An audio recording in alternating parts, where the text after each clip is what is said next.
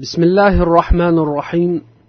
الحمد لله رب العالمين والصلاة والسلام على خير خلقه محمد وعلى آله وصحبه أجمعين. أما بعد السلام عليكم ورحمة الله وبركاته. Hurmatli mo'min birodarlar bu suhbatimiz shamoili muhammadiya kitobidan yigirma sakkizinchi dars bo'lib bu darsimizda rasululloh sollallohu alayhi vasallamning tavozulilarini bayon etgan bobni nihoyasiga yetkazib keyingi bobdan ham bir necha hadislarni o'qib o'rganamiz inshaalloh قال حدثنا محمد بن عبد الله بن بزيع قال حدثنا بشر بن المفضل قال حدثنا سعيد عن قتادة عن أنس بن مالك رضي الله عنه قال قال رسول الله صلى الله عليه وسلم لو أهدي إلي كراع لقبلت ولو دعيت عليه لأجبت bu hadis anas roziyallohu anhudan rivoyat qilinadi aytadilarki rasululloh sollallohu alayhi vasallam aytdilarki agar menga pocha qo'y yoki echkining pocha go'shti hadya qilinsa ham albatta qabul qilaman va shu pochadan ziyofat qilib chaqirilinsam ham ijobat qilaman.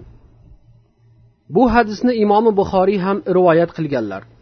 Ibn hajar rahimaulloh imomi buxoriyning sahihlarini sharhida fathil boriy deb nomlangan kitoblarida bu hadisga izoh berib shunday marhamat qiladilar. Bu hadis rasululloh sollallohu alayhi vasallamning go'zal axloq va ulkan tavozu sohibi ekanliklariga yorqin dalildir va u zot hadyani qabul qiladigan mehmon qilib chaqirilgan uyga garchi ziyofat ko'rimsiz bo'lsada ijobat qiladigan oliyjanob shaxs ekanliklariga ham ochiq hujjatdir. Ibn hajar rahimaulloh so'zlarining davomida ulamolardan birining bu haqda qilgan sharhini keltirib aytadilarki muhallab aytgan edilar taomga chaqirish o'z o'zidan bo'lmaydi balki chaqiruvchining mehmonga bo'lgan chinakam muhabbati va chaqirilgan kishi uning taomidan tanovul qilishi bilan qalbiga shodlik kirishi kabi bir qancha undovlar tufayli bo'ladi. Shuning uchun rasululloh sollallohu alayhi vasallam ummatlarini chaqirilgan xonadonga ijobat qilishlariga chorladilar. Xullas bu hadis musulmonlar o'zaro bir birlari bilan bordi keldi qilish o'rtalarida muhabbat rishtalarini bog'lash va iliq munosabatlar paydo qilish chaqirilgan xonadonga ziyofat ozmi ko'pmi labbay deb ijobat qilish va hadyani qabul etish kabi bir qancha yuksak ma'nolarni o'z ichiga olgandir. Sahihil buxoriyning yana boshqa sharhi bo'lmish umdatil qoriy deb nomlanmish kitobda ayniy rahimaulloh aytadilarki bu hadis hadya har qancha kichik bo'lsa ham uni sovg'a etish mumkinligiga va uni rad etmaslik kerakligiga dalildir. قال حدثنا محمد بن بشار قال حدثنا عبد الرحمن قال حدثنا سفيان. عن محمد بن المنكدر عن جابر رضي الله عنه قال جاءني رسول الله صلى الله عليه وسلم ليس براكب بغل ولا برذون. Bu hadis jobir roziyallohu anhudan rivoyat qilinadi aytadilar rasululloh sollallohu alayhi vasallam meni huzurimga hajir ham arg'umoq arablardan boshqa millatlarning zotdor otlarini ham minmay kelgan edilar. Bu hadisni imomi buxoriy va imomi muslim ham rivoyat qilishgan ekanlar. Ba'zi ulamolar aytadilarki bu sahoba kasal bo'lib qolganlarida u kishini holidan xabar olish uchun rasululloh sollallohu alayhi vasallam mana shunday piyoda yurib kelgan ekanlar. Hadisda piyoda yurib savob ajr ko'paytirishga va kamtarona hayot kechirishga ishora bordir. قال حدثنا عبد الله بن عبد الرحمن قال أنبأنا أبو نعيم قال حدثنا يحيى بن أبي الهيثم الأبطار قال سمعت يوسف بن عبد الله بن سلام قال سماني رسول الله صلى الله عليه وسلم يوسف وأقعدني في حجره ومسح على رأسي yusuf ibn abdulloh ibn salomdan rivoyat qilinadi aytadilarki rasululloh sollallohu alayhi vasallam meni yusuf deb nomladilar. Keyin esa meni qo'ynilariga o'tqazib boshimdan siladilar. Bu kishi kichik sahobalardan hisoblanadilar otalari abdulloh ibn salom esa jannat bashoratiga musharraf bo'lgan o'nta sahobalarning safidan o'rin olgan edilar. قال حدثنا إسحاق بن منصور قال حدثنا أبو داود الطيالسي قال أنبأنا الربيع وهو ابن صبيح قال حدثنا يزيد الرقاشي عن أنس بن مالك رضي الله عنه أن النبي صلى الله عليه وسلم حج على رحل رث وقطيفة. كنا نرى ثمنها أربعة دراهيم فلما استوت به راحلته قال لبيك بحجة لا سمعة فيها ولا رياء. anas roziyallohu anhudan rivoyat qilinadi aytadilarki rasululloh sollallohu alayhi vasallam to'qimi eskirib ketgan va ustida bahosi to'rt dirhamga ham arzimas mato to'shalgan tuyada haj qilgan edilar tuyaning ustiga o'ltirganlaridan keyin sumasiz va riyosiz haj qilish uchun labbay senga ey rabbim degan edilar قال حدثنا إسحاق بن منصور قال حدثنا عبد الرزاق قال حدثنا معمر عن ثابت البناني وعاصم الأحول. عن أنس بن مالك أن رجلا خياطا دعا رسول الله صلى الله عليه وسلم فقرب منه ثريدا عليه الدباء. قال فكان رسول الله صلى الله عليه وسلم يأخذ الدباء وكان يحب الدباء. قال ثابت فسمعت أنسا يقول فما صنع لي طعام أقدر على أن يصنع فيه دباء إلا صنع anas ibn molikdan rivoyat qilinadi aytadilarki bir chevar kishi rasululloh sollallohu alayhi vasallamni mehmon qilib chaqirib u zotga sarid ya'ni non va go'shtdan tayyorlangan taom keltirdi u taomda oshqovoq ham bor edi rasululloh sollallohu alayhi vasallam oshqovoqni yaxshi ko'rganliklari uchun uni terib olar edilar sobit aytadilarki anas roziyallohu anhudan eshitdim u zot menga oshqovoq qo'shib ovqat tayyorlashni iloji bo'lsa albatta qo'shilar edi dedilar avvalda ham bu ma'noda bir qancha hadislar o'tdi shuning uchun bu hadisni sharhlashga hojat yo'q قال حدثنا محمد بن إسماعيل قال حدثنا عبد الله بن صالح قال حدثني مؤاوية بن صالح عن يحيى بن سعيد عن عمرة قالت قيل لعائشة ماذا كان يعمل رسول الله صلى الله عليه وسلم في بيته؟ قالت كان بشرا من البشر يفلي ثوبه ويحلب شاته ويخدم نفسه. amra rahimaullohdan rivoyat qilinadi bu ayol aytadilarki oysha roziyallohu anhodan payg'ambar sollallohu alayhi vasallam uyda nima ish qilar edilar deb so'rashdi. Ya'ni odamlar so'rashgan edilar. Shunda oysha onamiz aytdilarki payg'ambar sollallohu alayhi vasallam hamma qatori bashar bir inson edilar. Kiyimlarini o'zlari qarar edilar sut sog'ar edilar va o'zlariga o'zlari xizmat qilar edilar. Mulla ali qori aytadilarki kiyimlarini qarar edilar degan so'zdan maqsad u kiyimda hasharotlar bormi yo'qmi deb kiyimlariga ko'z yugurtirar edilar. Boshqa rivoyatlarda kelishicha u zot kiyimlarini o'zlari tikib ya'ni yirtiq o'rinlariga o'zlari yamoq solib kavushlarini ham o'zlari sozlar ekanlar. Babu maja fi xuluqi rasulilloh sollallohu alayhi vasallam va fihi xamsata ashara haditan rasululloh sollallohu alayhi vasallamning xulqlarini bayon etuvchi bob bu bobda o'n beshta hadis rivoyat qilinadi payg'ambar sollallohu alayhi vasallamning axloqlari haqida so'z yuritilar ekan agar bu borada gapning po'st kallasini aytadigan bo'lsak oysha onamiz aytganlaridek payg'ambar alayhissalomning xulqlari qur'on edi قال حدثنا عباس بن محمد الدوري قال حدثنا عبد الله بن يزيد المقري قال حدثنا ليث بن سعد قال حدثني أبو عثمان الوليد بن أبي الوليد عن سليمان بن خارجة عن خارجة بن زيد بن ثابت قال دخل نفر على زيد بن ثابت فقالوا له حدثنا أحاديث رسول الله صلى الله عليه وسلم. قال ماذا أحدثكم؟ كنت جارة فكان إذا نزل عليه الوحي بعث إلي فكتبته له فكنا إذا ذكرنا الدنيا ذكرها معنا. وإذا ذكرنا الآخرة ذكرها معنا وإذا ذكرنا الطعام ذكره معنا فكل هذا أحدثكم عن النبي صلى الله عليه وسلم خارجة بن زيد ibn sobitdan rivoyat qilinadi aytadilarki zayd ibn sobitning huzurlariga bir jamoa odamlar kelib bizlarga rasululloh sollallohu alayhi vasallamning hadislaridan aytib bering deyishdi U zot nimani ham aytib beray dedilarda keyin aytdilarki men rasululloh sollallohu alayhi vasallamning qo'shnilari edim. Agar u kishiga vahiy nozil bo'lsa darhol menga odam jo'natar edilar. Men oyatni yozib berar edim. Biz ya'ni sahobalar agar dunyo haqida so'z yuritsak u zot ham bizga qo'shilib so'zlar edilar.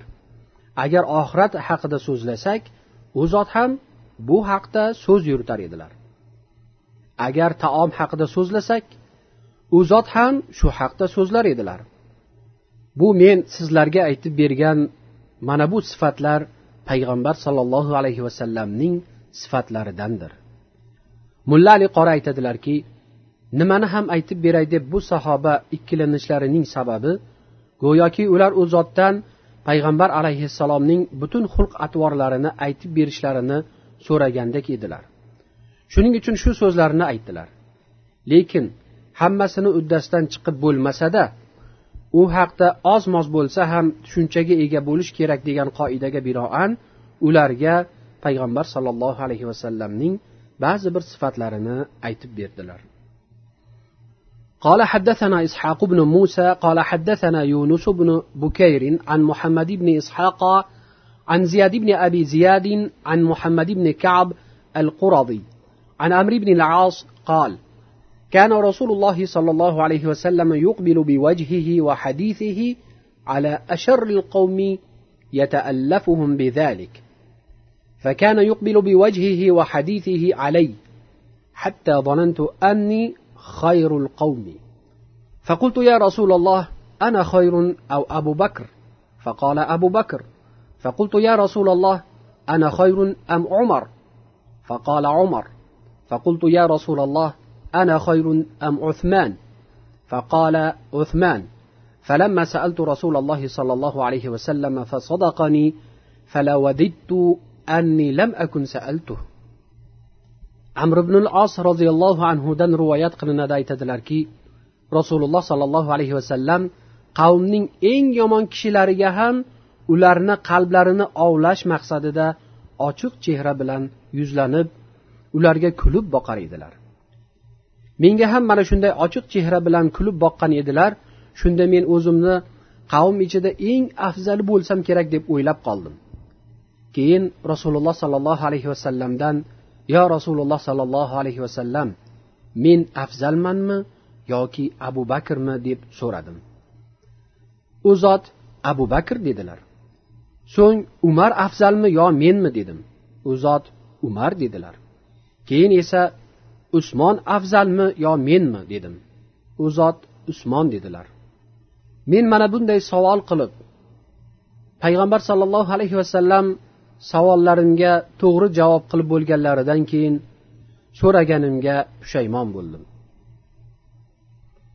Bu hadisni ham imomi buxoriy va imom muslim sahihlarida rivoyat qilganlar mulla ali qora aytadilarki amr ibn al os yangi islomga kirgan va o'z qavmining sayyidlaridan edilar. Shuning uchun rasululloh sollallohu alayhi vasallam unga ham ana shunday go'zal muomalalar qilgan edilarki hatto amr meni rasululloh sollallohu alayhi vasallam hammadan ham ko'proq suyar ekanlar deb o'ylab qolgan edi. Bu voqea amr ibn al os misr diyorini fath qilib madinaga qaytgan vaqtlarida bo'lgan edi. Rasululloh sollallohu alayhi vasallam uni o'zlari kutib olib keyin esa unga mana shunday iltifotlar ikromlar qilgan edilar. قال حدثنا قتيبة بن سعيد قال حدثنا جعفر بن سليمان الضبعي عن ثابت عن انس بن مالك رضي الله عنه قال خدمت رسول الله صلى الله عليه وسلم عشر سنين فما قال لي اف قط وما قال لي لشيء صنعته لما صنعته ولا لشيء تركته لما تركته. وكان رسول الله صلى الله عليه وسلم من أحسن الناس خلقا ولا مسست خزا ولا حريرا ولا شيئا كان ألينا من كف رسول الله صلى الله عليه وسلم. ولا شممت مسكا قط ولا عطرا كان أطيب من عرق رسول الله صلى الله عليه وسلم. Anas ibn molik roziyallohu anhudan rivoyat qilinadi aytadilarki rasululloh sollallohu alayhi vasallamga o'n yil xizmat qildim. U zot menga biror marta ham uf demagan edilar. Biror qilgan ishimga nega bunday qilding yoki qilmagan ishimga nega qilmading demagan edilar. Rasululloh sollallohu alayhi vasallam odamlarning ichida eng go'zal xulq sohibi edilar. Rasululloh sollallohu alayhi vasallamning qo'llaridan ko'ra muloyimroq ipak matosiyu ipakni o'zini ham boshqa biror yumshoq narsani ham ushlamaganman. Va u zotning terlagan vaqtlarida chiqadigan hidlaridan ko'ra xushbo'yroq misk yoki atirni ham hidlagan emasman. Bu hadis rasululloh sollallohu alayhi vasallamni juda oliy xulqli ekanliklariga yana bir bor dalildir. Chunki o'n yil ichida kishi biror marta ham xizmatkorini koyimasligi nihoyat darajada mushkul narsa. Yana bu hadisda anas roziyallohu anhu buyruqni bajarmaganliklari uchun yoki noto'g'ri bajarganliklari uchun itob eshitmadim deyaptilar. Bu hadis anas roziyallohu anhuni nihoyatda ziyrak aql zakovatli ekanliklariga ham dalil bo'ladi. Demak bu hadisdan kelib chiqishicha anas roziyallohu anhu nihoyat darajada ziyrak va aql zakovatli bo'lgan ekanlar. Qo'llarini muloyimligi esa u zotning mehribonli ekanliklariga dalildir. Mulla ali qori aytadilar rasululloh sollallohu alayhi vasallamning terlari mana shunday atir kabi xushbo'y bo'lgan edi. Bu ham bo'lsa alloh taoloning u zotga qilgan in'omlaridandir. Boshqa rivoyatlarda kelishicha ayollar u zotning terlaridan olib o'zlariga atir sifatida ishlatishgan ham ekan. Mulla ali qori aytadilarki ulamolar aytishicha payg'ambar sollallohu alayhi vasallam zotan mana shunday xushbo'y bo'lishlariga qaramay atirni benihoya ko'p ishlatar edilar. Ayniqsa maloikalar bilan uchrashganlarida va vahiy nozil qilinayotgan damlarda ham atirni haddan ziyod ishlatar edilar. قال حدثنا قتيبة بن سعيد وأحمد بن عبدة هو الضبي والمعنى واحد. قال حدثنا حماد بن زيد عن سلم العلوي عن أنس بن مالك رضي الله عنه عن رسول الله صلى الله عليه وسلم أنه كان عنده رجل به أثر صفرة قال وكان رسول الله صلى الله عليه وسلم لا يكاد يواجه أحدا بشيء يكرهه. فلما قام قال للقوم لو قلتم له يدع هذه الصفرة bu hadis anas roziyallohu anhudan rivoyat qilinadi aytadilar rasululloh sollallohu alayhi vasallamning huzurlarida kiyimiga rangi sariq atir surtgan kishi o'tirgan edi ya'ni zafarondan tayyorlangan atir bor edi rasululloh sollallohu alayhi vasallam birovda nomunosib narsani ko'rsalar uni unga bevosita aytishga hijolat bo'lar edilar U odam turib ketgandan so'ng qavmga aytdilarki unga aytib qo'yinglar. Bu sarig'ini tark qilsin. Ya'ni uni cho'ponidan yuvib ketkazsin yoki cho'ponini yechib tashlasin dedilar. Bu hadisning izohida ba'zi ulamolar aytadilarki mana bunday holatda bo'lish agar erkaklar uchun harom bo'lganda edi rasululloh sollallohu alayhi vasallam o'zlari unga bayon qilgan bo'lar edilar. Demak o'zlari qaytarmay birov orqali qaytarar ekanlar albatta bunday holatning erkaklar uchun makruhligi bayon bo'ladi. Ya'ni haromligi emas balki makruhligi bayon bo'ladi. Chunki odatda ayollar mana shunday bezanishadi. Vallohu alam. Suhbatimiz so'ngida alloh taolodan bizlarni chiroyli xulqlar bilan bezashini so'raymiz. Va sallallohu vasallam ala nabiyina muhammad va ala alihi va sahbihi ajmain. Assalomu alaykum va rahmatullohi va barakatuh.